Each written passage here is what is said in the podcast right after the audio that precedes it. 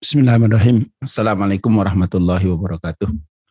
Alhamdulillah wa syukurillah salatu wassalamu ala rasulillah wa la hawla wa la quwata illa billah Bapak Ibu yang saya hormati, ini topik khusus di bulan Ramadan tentang sholat tarawih. Rujukan kita sama dari Bulughul Maram, ini hadis ke-400 dan 401 kalau di buku aslinya. Kemudian kita rujuk kepada syarah Bulughul Maram yang ditulis oleh Ustadz Al-Bassam yaitu Taudihul Ahkam. Wa an Aisyah radhiyallahu anha dan dari Aisyah radhiyallahu anha qalat beliau berkata maka Rasulullah sallallahu alaihi wasallam. Tidaklah Rasulullah sallallahu alaihi wasallam. Yazidu fi ramadhana beliau menambah di bulan Ramadan wala fi ghairihi dan juga tidak di selain Ramadan di luar Ramadan ala ihda asyrata raka'atan atas 11 rakaat. Yusalli arba'an, beliau sholat 4 rakaat. Falatas al an husnihinna wa tulihinna. Jangan kamu tanyakan tentang bagus dan panjangnya empat rakaat itu. Summa yusalli arba'an, kemudian beliau sholat lagi empat rakaat. Falatas al an husnihinna wa tulihinna. Janganlah kamu bertanya tentang bagus dan panjangnya empat rakaat itu. Summa yusalli salasan, kemudian beliau sholat tiga rakaat. Qalat Aisyah tu berkata Aisyah, fakultu, saya bertanya ya Rasulullah, wahai Rasulullah, atana muqabla antu tiro, apakah engkau tidur sebelum engkau witir? Qala Rasulullah menjawab, ya Aisyah, wahai Aisyah, inna ainaya tanamani, sesungguhnya kedua mataku tidur walayana muqalbi dan tidaklah tidur hatiku. Muttafaqun alaihi.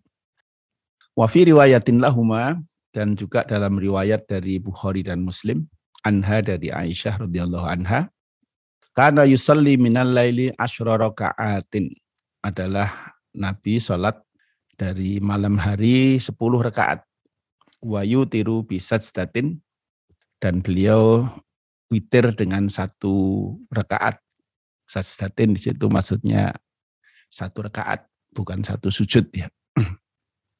Wayar ka'urok atail fajri kemudian beliau sholat dua rakaat fajar. Fatil kasala sa'ashrata atan maka itulah 13 rakaat. Dalam Bukhari 1140, 1147 dan Muslim 738. Ma yukhadu minal hadis. Apa yang bisa diambil dari hadis ini? Pertama, Aisyah radhiyallahu anha tasifu salatan Nabi sallallahu alaihi wasallam fil laili. Aisyah menceritakan tentang sifat salat Nabi di malam hari. Sawa'un kana dzalika fi Ramadan aw ghairihi, baik hal tersebut di bulan Ramadan atau selain Ramadan. Bi annahu la yazidu ala ihda asyrata raq'atan bahwasanya beliau tidak melebihi tidak menambah dari 11 rakaat. Yusalli arba'an, beliau sholat 4 rakaat. Yadharu annaha muttasilat secara dohir. 4 rakaat ini ya bersambung. Maksudnya tidak pakai berhenti salam ya. Fayuhsinuhunna bi'italatil qira'ati warruku was sujud.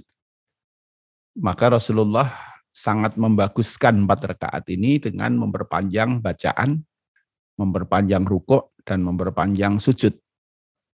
Summa yusalli arba'an mislahunna bituli wal husan. Kemudian beliau sholat lagi empat rakaat seperti itu dengan panjang dan bagus. Summa salasan, kemudian tiga. Lam tasifuhunna bima wasafat bi sholatul lati qablaha. Yang tiga ini tidak disifati sebagaimana sholat-sholat sebelumnya. Jadi kalau yang empat dan empat ini panjang dan bagus. Nah kalau yang tiga ini tidak dikatakan begitu. Fahadihi ihda asyrata rak'ah, maka inilah sebelas rakaat. Wal witru huwa as-salasul akhirat. Nah yang disebut witir adalah tiga rakaat yang terakhir itu. Ini poin pertama ya. Jadi secara umum ada gambaran seperti itu. Yang kedua, yahtamilu annal arba munfasolatin. Ada kemungkinan bahwasanya empat rakaat itu terpisah-pisah. Wa annahu yusalli harokataini rokataini. Dan beliau sholat dengan dua rakaat dua rakaat. Wa yuwafiquhu hadis sholatul laili masna.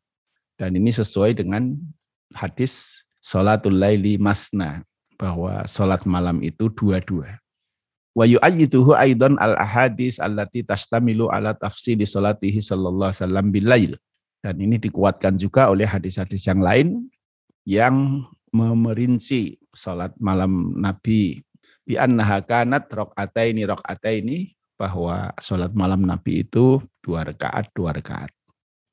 Pala allaha dzukirat arba'a raka'atin majmu'atin summal arba'al ukhar majmu'atun.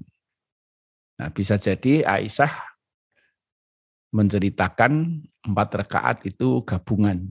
Jadi dari dua dan dua, kemudian empat berikutnya adalah gabungan juga. Di annahu kana la yamkusu ba'da taslimi min ar-rak'atainil awwalaini awwalayaini karena beliau tidak berhenti, tidak istirahat setelah salam dari dua rakaat yang pertama. Jadi dua rakaat, salam langsung berdiri. Dua rakaat lagi, Kemudian sebelum masuk pada dua rakaat berikutnya, di setelah empat rakaat itu beliau istirahat.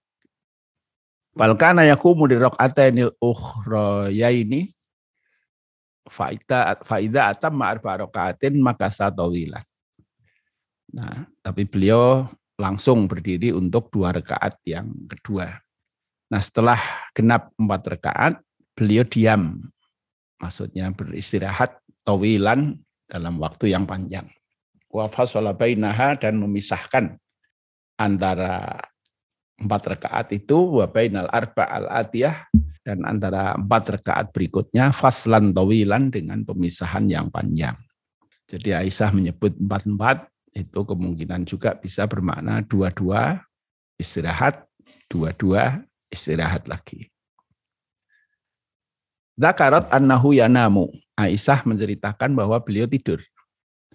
Fatas aluhu hal yana muqablal witri. Sehingga beliau Aisyah bertanya kepada Rasulullah, apakah beliau tidur sebelum witir? Mimma yatullu ala anna naumahu ba'da raka'ati samaniyah. Yang menunjukkan bahwa tidurannya Rasulullah itu setelah rakaat ke-8. Wa annahu yusalli as-salasah ba'da naum. Dan beliau sholat tiga rakaat setelah tidur. Fa'ajabaha maka kemudian Rasulullah menjawab kepada Aisyah, bi annalladzi yanamu huwa ainahu amma qalbuhu fa innahu la yastaghriqu bin naum li billah wa ta'atihi lahu. Bahwasanya kedua matanya itulah yang tidur. Adapun hatinya, maka hati itu dia tidak terlelap dengan tidur itu karena selalu terikat dengan Allah SWT dan taat kepada Allah.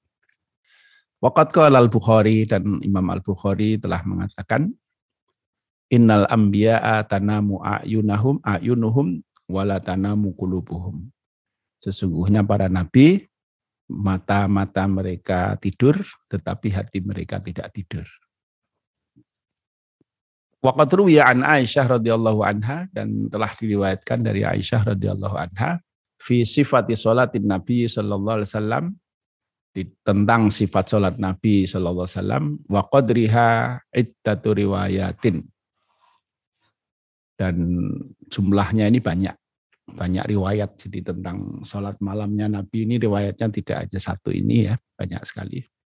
Minha ma taqaddama nah antara lain adalah hadis yang sudah terdahulu ini jadi yang kita baca tadi Wa minha dan antara lain yang lain adalah satu riwayatus sahihaini riwayat Bukhari dan Muslim annahu yusallu minal yusalli minal laili asyra raka'atin wa yutiru bisajdatin bahwa beliau sholat malam dengan 11 rakaat eh, 10 rakaat kemudian witir dengan satu rakaat wayar ka'u raka'atil fajri dan kemudian beliau rukuk maksudnya sholat dua rakaat fajar. Watil kasala su asyrati rakaatin dan itulah 13 rakaat. Jadi rekaat dua rakaat fajar ini setelah masuk waktu subuh ya. Riwayat yang lain wajaan hafiz sahihaini dan telah datang riwayat dari Aisyah juga di dalam Bukhari dan Muslim. Qalat Aisyah mengatakan, "Kana Rasulullah sallallahu alaihi wasallam yusalli minal laili salasa asyra rakaat." Adalah Rasulullah SAW itu sholat malam 13 rakaat. Wa yutiru min dzalika bi khamsin dan beliau berwitir dari 13 itu dengan 5 rakaat. La yajlisu fi syai'in illa fi akhirihinna. Dari lima itu beliau tidak duduk sama sekali kecuali di akhirnya. Maksudnya tidak pakai dipisah-pisah dengan tahiyat ya. Jadi lima rakaat langsung dan baru tahiyat untuk salam. Nah itu witirnya lima rakaat. Nah jumlah totalnya 13 rakaat. Wajah anha dan juga datang riwayat dari Aisyah sab arokaatin. Maksudnya witirnya tujuh rakaat. Wajah anha tis arokaatin. Dan datang juga riwayat dari Aisyah itu sembilan rakaat. Wajah anha fil Bukhari dan juga ada riwayat dari Aisyah di dalam kitab Bukhari annahu kana yusalli salasa asyrata raka'atin summa yusalli idza sami'an nida bil fajri raka'ataini khafifataini bahwa beliau salawat dengan 13 rakaat Kemudian ketika sudah mendengar adzan subuh, beliau sholat e, dua rakaat yang ringan. Nah, jadi riwayat tentang tata cara Nabi sholat malam ini banyak ya, tidak hanya satu. Jadi tadi Kak Aisyah mengatakan tidak lebih dari sebelas. Nah itu umumnya begitu yang diketahui oleh Aisyah. Tetapi toh banyak juga riwayat dari beliau yang beliau 13 rakaat ya. Anha ghairu hadhihi riwayat mimma hakama bihi ba'duhum bi annaha riwayatun muttaribatun.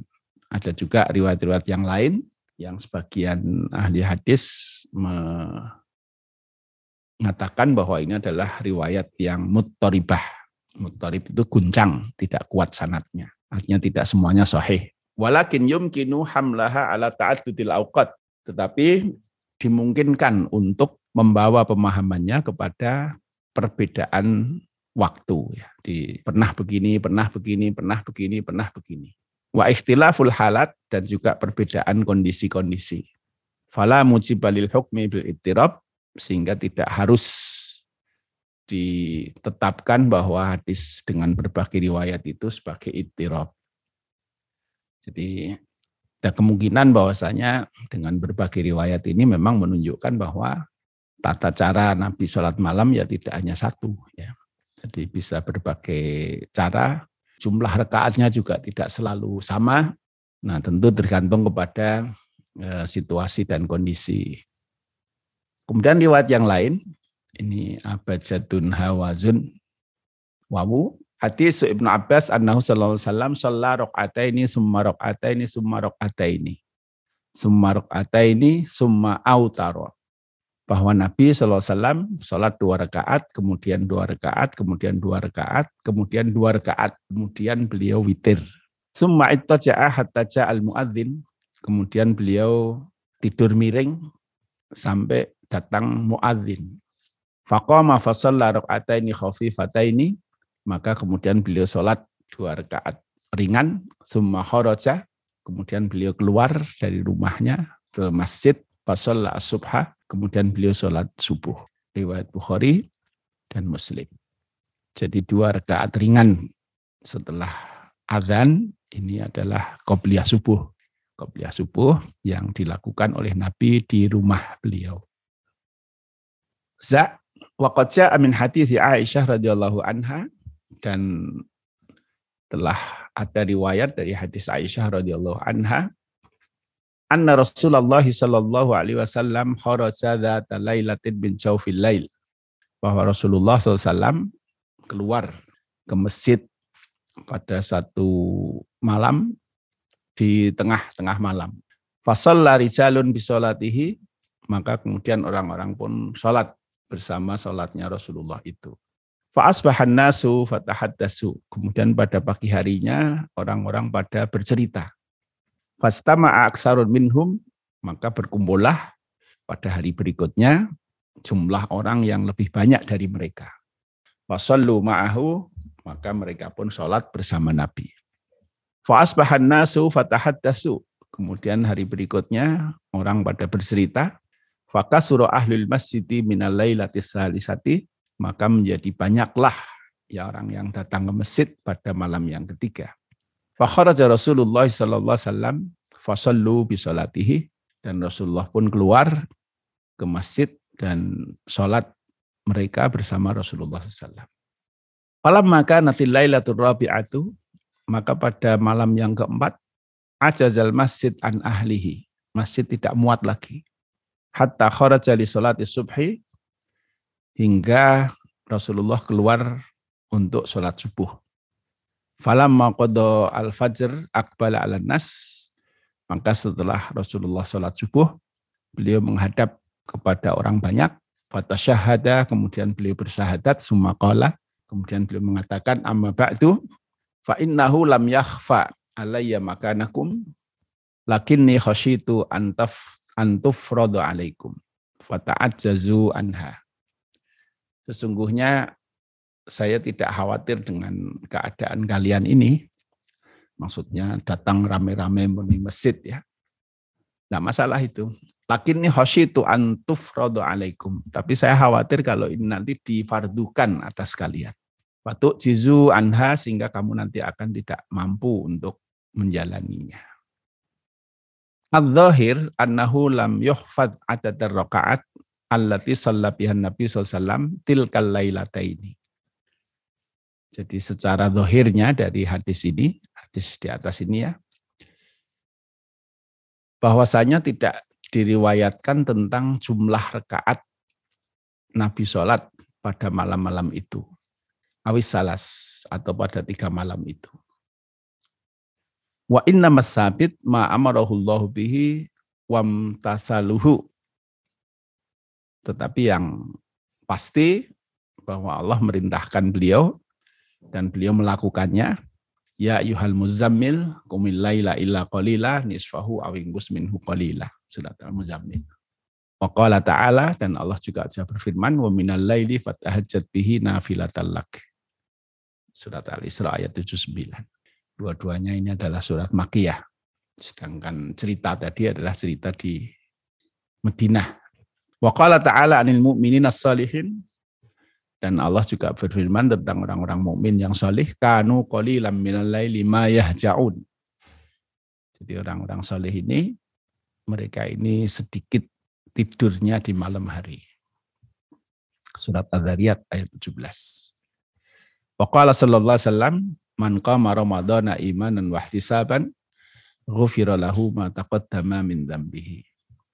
Nabi bersabda, barang siapa yang kiam Ramadan, sholat malam di bulan Ramadan karena iman dan mencari ridho Allah, ghufiralahu min maka akan diampuni baginya apa yang sudah berlalu dari dosa-dosanya. Muttafaqun alaihi. Poin kelima, mado zamanun Nabi sallallahu alaihi wa khilafatu Abi Bakrin wa khilafati Abi Bakrin radhiyallahu anhu. Telah berlalu zaman Nabi wasallam dan masa kekhalifahan Abu Bakar radhiyallahu anhu. Falam maja'at khilafatu Umar radhiyallahu anhu takhala al-Masjid an-Nabawi wa ma'ahu Abdun al-Qari. Maka pada zaman kekhalifahan Umar radhiyallahu anhu beliau datang ke Masjid Nabawi dan bersama beliau ada seseorang yang al-Qari, pembaca Quran. Fawajada ahlul mas ahlal masjidi auza'an mutafarriqin. Dan beliau mendapati orang-orang di masjid itu auza'an mutafarriqin. Jadi terpisah-pisah. Yusallir rajul binafsihi, ada orang yang sholat sendiri. Wa yusallir rajul wa yusalli bisolatihi arrohtu. Ada lagi orang sholat, kemudian diikuti beberapa orang yang lain. Fa'amara Ubay bin Ka'ab ayyakuma bihim fi Ramadan. Maka kemudian Umar memerintahkan Ubay bin Ka'ab, ini yang disebut sebagai Abdun Al-Qari itu, ayyakuma bihim fi Ramadan. Untuk mengimami sholat mereka itu di bulan Ramadan. Waqad ja'at riwayat al-mutakasirah anna Umar radhiyallahu anhu jama'an nas ala Ubay bin Ka'ab. Dan banyak sekali riwayat bahwasanya Umar radhiyallahu anhu itu menjamaahkan orang dengan Imam Ubay bin Ka'ab. Fakana yusalli bin nas isyrina raka'atan dan Ubay bin Ka'ab ini mengimami orang, mengimami orang-orang di Masjid Nabawi itu dengan 20 rakaat. Wa yutiru bisalah sirokaatin dan beliau witir dengan tiga rakaat. Wa kan hadha bi mashhadin wa amalin minas sahabah radhiyallahu anhum kulluhum jami'ah. Dan peristiwa ini disaksikan bahkan dilakukan, diikuti oleh sahabat-sahabat semuanya radhiyallahu anhum. Fakana isma'an ala sifatin wa adati hadis sholah al-marwiyah as-sabitah. Nah karena itu sholat dengan berjamaah 20 rakaat ini adalah ijma' tentang cara dan jumlah rakaat sholatnya itu yang diriwayatkan secara kuat. Qala fil mughni at-tarawihu hiya sunnatun sannahan Nabi sallallahu alaihi wasallam walaisat muhtasatun fi ahdi Umar. Di dalam kitab Al-Mughni dikatakan bahwasanya tarawih ini adalah sunnah yang telah dilakukan oleh Nabi Shallallahu Alaihi Wasallam dan bukan merupakan hal baru di zaman Umar. Wahya min dan tarawih ini termasuk ajaran agama ini. Wahya isyruna rakaatan fi qouli aksaril ulama dan tarawih ini adalah 20 rakaat dalam pendapat mayoritas ulama wal muhtaru inda Ahmad wa Abi Hanifah wa Syafi'i annaha isyruna rakaah. Dan pendapat yang terpilih menurut Imam Ahmad, Imam Abu Hanifah, dan Imam Syafi'i adalah 20 rakaat. Waqala Malik, Imam Malik berkata, Sittun wasalasuna 36 rakaat. Wa ta'allaqa bi amali ahli madinati dan pendapat ini didasarkan kepada perilaku penduduk Madinah. Walana anna Umar lamma jama'an nas ala Ubay bin Ka'ab kana yusalli bihim isyrina raka'atan. Menurutku bahwasanya Umar ketika menjamaahkan orang dengan Imam Ubay bin Ka'ab, beliau sholat dengan 20 rakaat. Ali radhiyallahu anhu dan dari Ali radhiyallahu anhu annahu amara rajulan yusalli bihim fi Ramadan isrina rakaatan. Bahwa beliau memerintahkan seseorang untuk mengimami sholat di Ramadan dengan 20 rakaat. Wahadakal ijma. Karena itu 20 rakaat ini seperti ijma. Qala fi subulis salam. Di dalam kitab subulus salam. Ini syarah bulughul maram yang lain ya. Warawa al-Baihaqi anna aliyan kana ya ummuhum bi isyrina rak'ah bahwa al-Baihaqi meriwayatkan bahwa Ali radhiyallahu anhu mengimami mereka dengan 20 rakaat. Wa yutiru bisalasin dan berwitir dengan tiga rakaat. Wa fihi quwwatun. Dan di dalam riwayat ini perawi-perawi yang kuat. Wa qala Syekhul Islam Taimiyah dan Syekhul Islam Ibnu Taimiyah mengatakan Inna nafsa qiyami Ramadan lam yu'aqqad fihi Nabi sallallahu alaihi wasallam. Fakana la yazidu ala salasati asyrati rakaatin lakin kana yutilur rakaat. Nabi sallallahu alaihi wasallam itu tidak menetapkan bahwa beliau sholat 13 rakaat, tetapi beliau sholatnya itu panjang. Rakaatnya panjang-panjang. Falam majama'ahum Umar radhiyallahu anhu ala Ubay bin Ka'ab kana yusalli bihim isyrina rakaah. Ketika Umar menjamaahkan orang-orang di Masjid Nabawi di bawah imamnya Ubay bin Ka'ab, beliau sholat dengan 20 rakaat.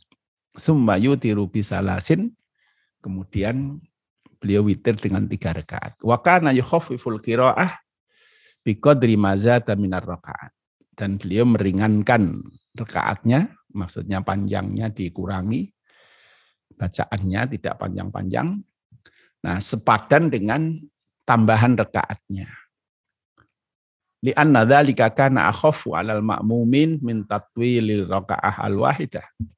Karena cara yang demikian ya, jadi bacaannya tidak terlalu panjang tetapi jumlah rekaatnya yang ditambah ini akan lebih ringan bagi para makmum daripada memperpanjang rekaat yang satu. Summa kana ta'ifatun minas salaf yaqumuna bi arba'ina.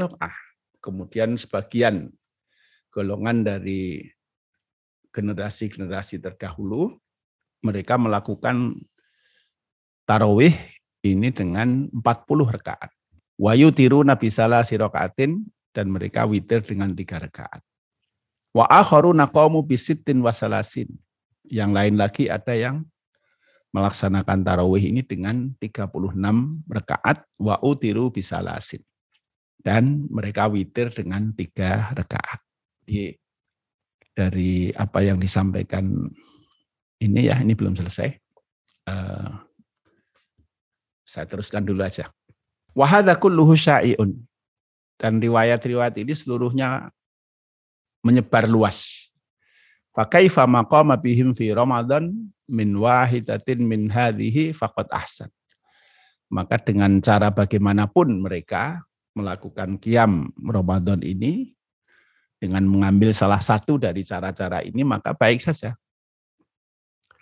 Wa man dhanna anna qiyama Ramadan fihi atatun muaqqatun anin Nabi sallallahu la yazatu la yuzatu fihi wa la yunqasu faqad akhta'a. Kata Ibnu Taimiyah, orang yang berpendapat bahwasannya qiyam Ramadan itu ditetapkan jumlahnya oleh Nabi tidak ditambah, tidak dikurangi, faqad akhta'a maka dia telah keliru. Ya. Dia telah keliru. Nah, ini Bapak Ibu saya kira ini penting untuk saya sampaikan. Saya garis bawahi lah ya. Jadi bahwa kita lihat Nabi tadi sholat eh, di masjid ya. Itu sampai dua atau tiga malam. Dan tidak diceritakan di situ Nabi sholatnya berapa. ya Berapa rakaat. Bahkan di dalam sebagian pemahaman Nabi pada waktu itu memang tidak berjamaah.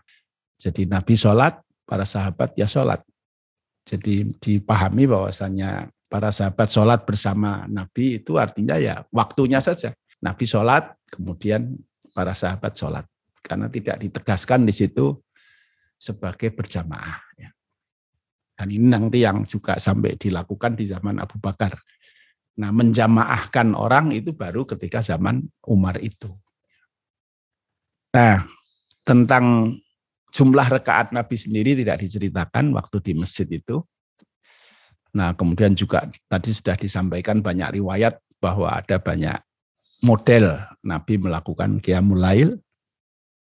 Nah, juga ditegaskan bahwa ketika Umar Ibn Khattab menjamaahkan orang, itu beliau meminta kepada Ubay bin Ka'ab untuk 20 rekaat. Nah, rekaatnya tidak bacaannya tidak panjang-panjang di tiap rekaat, tetapi eh, rekaatnya ditambah.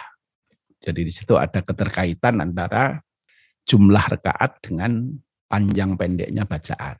Ya, jadi kalau panjang rekaatnya panjang-panjang, maka jumlah rekaatnya bisa sedikit. Nah kalau rekaatnya pendek-pendek, jumlah rekaatnya, bacaannya pendek-pendek, jumlah rekaatnya bisa di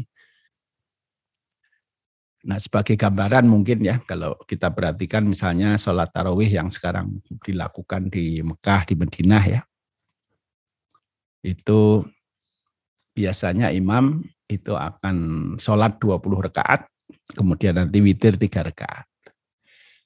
Nah, dalam 20 rekaat itu biasanya menyelesaikan satu juz. Ya menyelesaikan satu juz.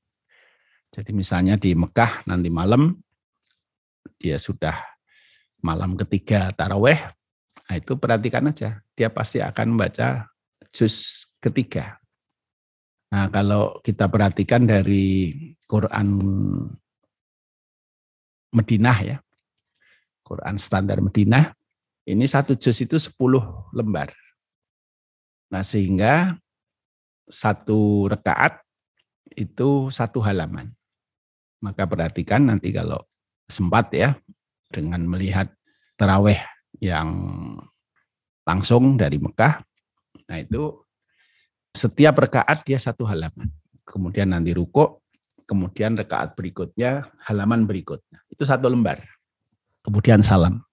Demikian setiap dua rakaat dia satu lembar dan dalam 20 rakaat itu artinya 10 lembar dan itu pas satu juz. Begitu. Nah itulah kira-kira yang disebut bacaannya tidak panjang. Jadi bacaan tidak panjang itu ketika berdiri satu rakaat itu kira-kira satu halaman. Ya, itu yang disebut bacaannya pendek. Nah, kalau bacaannya panjang ya tentu jauh lebih banyak dari itu.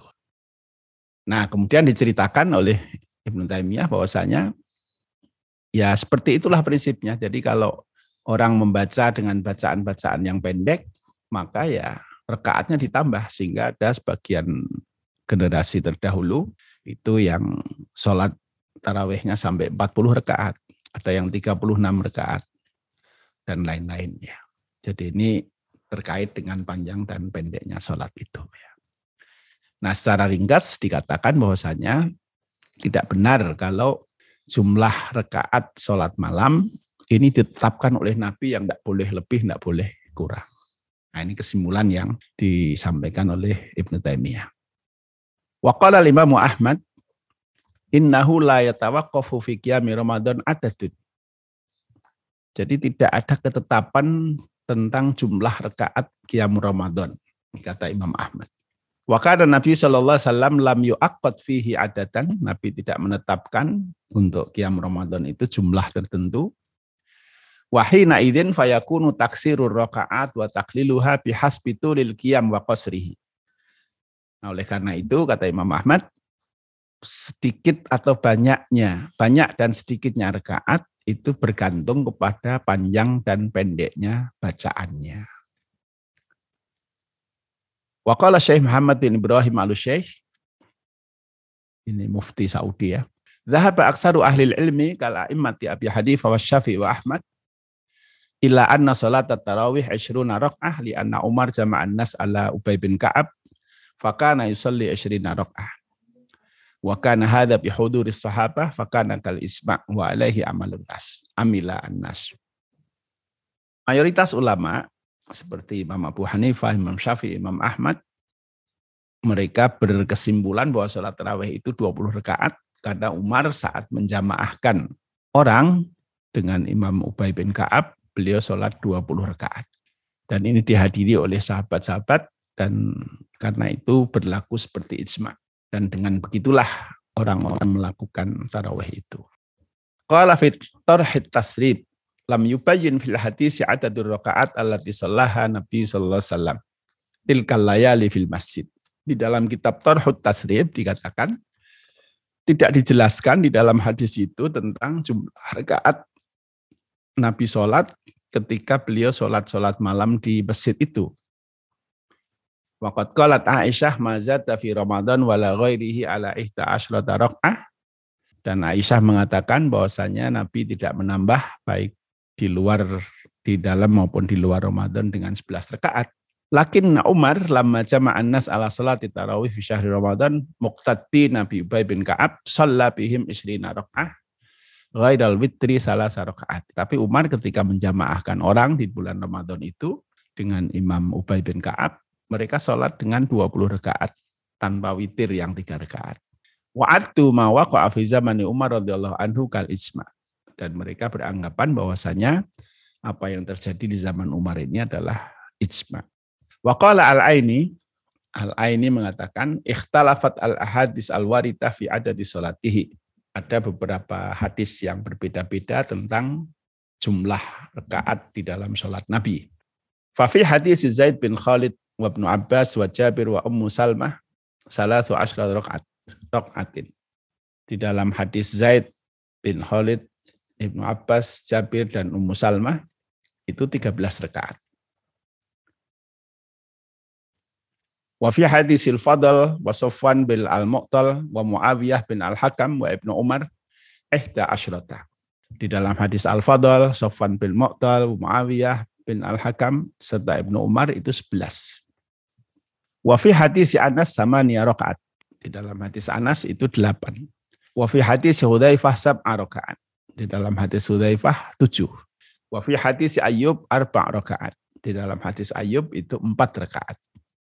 Wa aksaru ma hadis Ali situ asyrata. Dan banyak hadis-hadis dari riwayat Ali itu adalah 16 rakaat.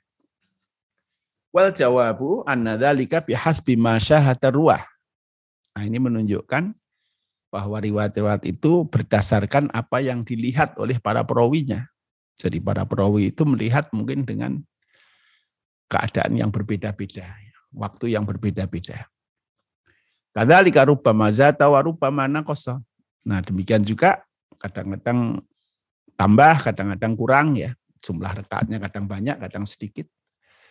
Warubama adina biqiyamil lail marratain aw salasan. Dan bisa jadi juga diizinkan qiyamul lail itu dua kali atau tiga kali. Walahum ajibatun kasiratun afa dzakartuhu dzakarathu Aisyah radhiyallahu anha an adatis salatin Nabi sallallahu alaihi wasallam la yattasi'ul maqam linaqliha wal italatu fi dzikriha. Dan banyak sekali riwayat-riwayat yang lain yang tidak hanya diceritakan oleh Aisyah radhiyallahu anha tentang jumlah rakaat sholat Nabi dan terlalu luas kalau akan dikutip di sini. Walladzi naquluhu ma qalahu jumhurul ulama min anna salatal lail wa minha at-tarawih fi Ramadan lam tuqayyad bi adatin muayyanin. Nah, yang ingin saya katakan adalah bahwa apa yang telah dikatakan oleh para mayoritas ulama bahwa sholat lail antara lain juga taraweh di Ramadan. Jadi kalau di Ramadan disebut taraweh, kalau di hari-hari lain disebut sebagai qiyamul lail. Lam tuqayyad bi adatin muayyanin, tidak ditetapkan dengan jumlah hitungan tertentu. Fala yungkaru alaman zata wala alaman naqasofiha. Sehingga tidak boleh dianggap sebagai kemungkaran, tidak boleh ditolak. Orang yang menambah jumlah rekaatnya atau orang yang mengurangi jumlah rekaatnya. Artinya yang banyak boleh, yang sedikit boleh. Fal kullu sunnatun wa ittiba'un. Semuanya masuk dalam sunnah dan ittiba. Mau rekaat banyak juga boleh, itu masuk dalam sunnah bukan bid'ah. Mau rekaat sedikit juga boleh, itu juga tidak bid'ah. Wal ghardu alla yakuna masaru jadalin wa fitnatin bainal muslimin. Dan ini tidak perlu menjadi tempat perdebatan dan fitnah di antara orang muslim. Lasia ma'ahluddin wassalahi minhum. Apalagi orang-orang yang berpegang pada agama dan orang-orang baik di antara orang-orang muslim. Ya. Alladzina hum al-qudwah fil khair. Yang mereka ini seharusnya menjadi contoh di dalam kebaikan. Pamada melaimatu asma'u ala masyru'iyatil qiyam wahtalafu fil afdal fi adatir rakaat wahya mas'alatun istihadiyatun. Nah sepanjang para imam imam-imam madhab, imam-imam agama kita itu bersepakat tentang disyariatkannya Qiyamul Lail, walaupun mereka berbeda-beda tentang apa yang paling baik tentang jumlah rekaatnya, maka ini adalah masalah istihadiyah. Fakullun ya'malu bima wasala ilahi istihaduhu. Nah, sehingga setiap mustahid beramal sesuai dengan berita apa atau sesuai dengan Eh, riwayat apa yang sampai kepadanya untuk menjadi dasar istihadnya. Ammat tadlil wa tashil falaisa ulama. Adapun menganggap sesat orang yang tidak sama dengan dia, wa tashil atau menganggap orang-orang bodoh, orang-orang yang tidak sama dengan pilihan dia, falaisa khuluqul ulama. Ini bukanlah akhlak para ulama. Wallahu a'lam. Nah, saya kira ini penting untuk kita pahami ya bagaimana sikap tasamuh di dalam hal-hal yang sifatnya istihad. Jadi saya sering kali menyampaikan bahwasanya hal-hal yang sifatnya istihad itu kita lapang saja ya. Sebagaimana para ulama juga lapang di dalam masalah-masalah yang sifatnya istihad. Jadi orang boleh mengambil ini, boleh mengambil itu, dan lain-lain. Kalau Syekhul Islam, tusannu at-tarawih fi Ramadan bi ittifaqis salaf. Ibnu Taimiyah mengatakan disunnahkannya tarawih di bulan Ramadan itu disepakati oleh para ulama salaf. Wa muslimin dan juga oleh para imam-imam orang-orang muslim. Waktu sama qiyam Ramadan dan disebut sebagai qiyam Ramadan. Wa kaunuha awalul lail dan dilakukan di awal malam. Di annan nasa kanu yakumuna awalahu ala ahdi Umar. Karena orang melakukan dengan cara begitu di zaman Umar wala qabla salatil isya dan tidak sah dilakukan sebelum salat isya. Wa man sallaha qabla isya faqad salaka sabilal mubtadi'ah al mukhalifati lis sunnah. Orang yang melakukan sholat tarawih sebelum isya ini melakukan mengikuti jalan bid'ah yang menyimpang dari sunnah. Faidatola al-fajru fata waktuha isma'an. Kalau sudah terbit fajar, maka habislah waktu untuk kiam Ramadan itu. Rawa al-Imam Ahmad wa Tirmidzi wa sahahu anna Nabiy sallallahu alaihi wasallam qala man qama ma'al imami hatta yansharifa katabalahu kutibalahu qiyamul lailat. Nabi sallallahu alaihi wasallam mengatakan orang yang sholat bersama imam maksudnya sholat malam ya hatta yang sharifa sampai imam ini selesai kutibalahu qiyamul lailatin maka ditulis untuknya seolah-olah sholat sepanjang malam. Wahada targhibun fi qiyamiha ma'al imam. Dan ini adalah dorongan untuk orang melakukan sholat malam itu beserta dengan imam. Warawa Imam Malik anna Umar bin Khattab amara Ubay bin Ka'ab wa Tamiman Ad-Dari radhiyallahu anhum ayyakuma linnas. Imam Malik meriwayatkan bahwasanya Umar bin Khattab memerintahkan Ubay bin Ka'ab dan Tamim Ad-Dari radhiyallahu anhum untuk sholat bersama dengan orang banyak. Maksudnya mengimami. Qala ar-rawi wa makunna nansarifu illa fi furu'il fajri dan kami tidak selesai sholat malam itu kecuali setelah menjelang fajar. Istahab Syekh Taqiyuddin ihya al-layalil ashr al-akhirah. Syekh Taqiyuddin itu mensunahkan untuk menghidupkan 10 hari terakhir. Faqad ja'a fil Bukhari wa Muslim. Maka telah ada riwayat di dalam Bukhari dan Muslim. Anna Nabi SAW kana idha takhalal ashra ahya laylahu wa aiqadu ahlahu wa syaddal bi'zar. Bahwa Nabi SAW ketika masuk 10 hari terakhir, beliau menghidupkan malamnya, membangunkan keluarganya, wasyad al mizar dan mengeratkan sarungnya. Maksudnya menghindari hubungan suami istri. Wa kana sahabatu wa tabi'una yamuttuna shalah fil ashril awakhir ila qurbi tulu'il fajri. Kama ja'a dzalika min ghairi wajhin. Dan para sahabat serta tabi'in mereka memanjangkan sholat di 10 hari terakhir itu sampai menjelang terbit fajar. Nah, sebagaimana datang eh, riwayat-riwayat dalam banyak jalur ya. Tinggal sedikit saya selesaikan aja. Qala al-Majd walau tanaffalu jama'atan ba'da raqdatin aw min akhiril lail lam yakrah nassa ala Imam Ahmad. Kalau mereka misalnya memilih untuk berjamaah setelah tidur malam atau di akhir malam, maka itu pun tidak apa-apa. Ya. Jadi misalnya di satu masjid kalau sholat terawih sore karena pengikutnya banyak, ada yang sepuh-sepuh, ada yang anak-anak, maka rekaatnya tidak panjang-panjang. Nah, kemudian bagi yang ingin menambah rekaat dengan sholat malam nanti akan diadakan jam 12 malam misalnya sampai menjelang sahur. Nah, itu boleh. Tidak masalah. Qala Syekhul Islam qiraatul Quran fit tarawih sunnatun bittifaqil muslimin fahiya jallal maksud. Jullul maksud wal yasma'al muslimuna kalam Allah fa inna syahr Ramadan unzila fihil Quran. Jadi bacaan Quran di dalam surat tarawih itu adalah sebuah sunnah, maksudnya perilaku Nabi yang disepakati oleh seluruh muslimin. Dan itulah tujuan utama dari Qiyamul Lail di tarawih itu, yaitu mendengarkan agar orang-orang muslim mendengarkan ayat-ayat Quran. Karena sungguhnya bulan Ramadan ini adalah bulan diturunkan Al-Quran. Qala Nawawi bil Qur'an mastata'a wa la yahruju manaji rabbahu an tamtid. Imam Nawawi mengatakan diperbaiklah suaranya dalam baca Quran itu semampunya. Tapi jangan berlebih-lebihan. Wa yustahabu al-buka indal kiro'ah dan disunahkan juga untuk menangis ketika dalam bacaan itu wahya sifatul arifin wa syiarus salihin. Nah, menangis ketika membaca Quran itu adalah sifat orang-orang yang memahami Al-Quran dan syiar dari orang-orang soleh. Nah tentu disesuaikan ya kapan menangisnya, jadi bukan begitu dengar sudah nangis gitu ya. Jadi ya kalau membaca bacaan-bacaan yang mengingatkan tentang neraka, untuk menangis supaya kita jauh dari itu. Ketika surga kita menangis supaya kita diberikan surganya itu.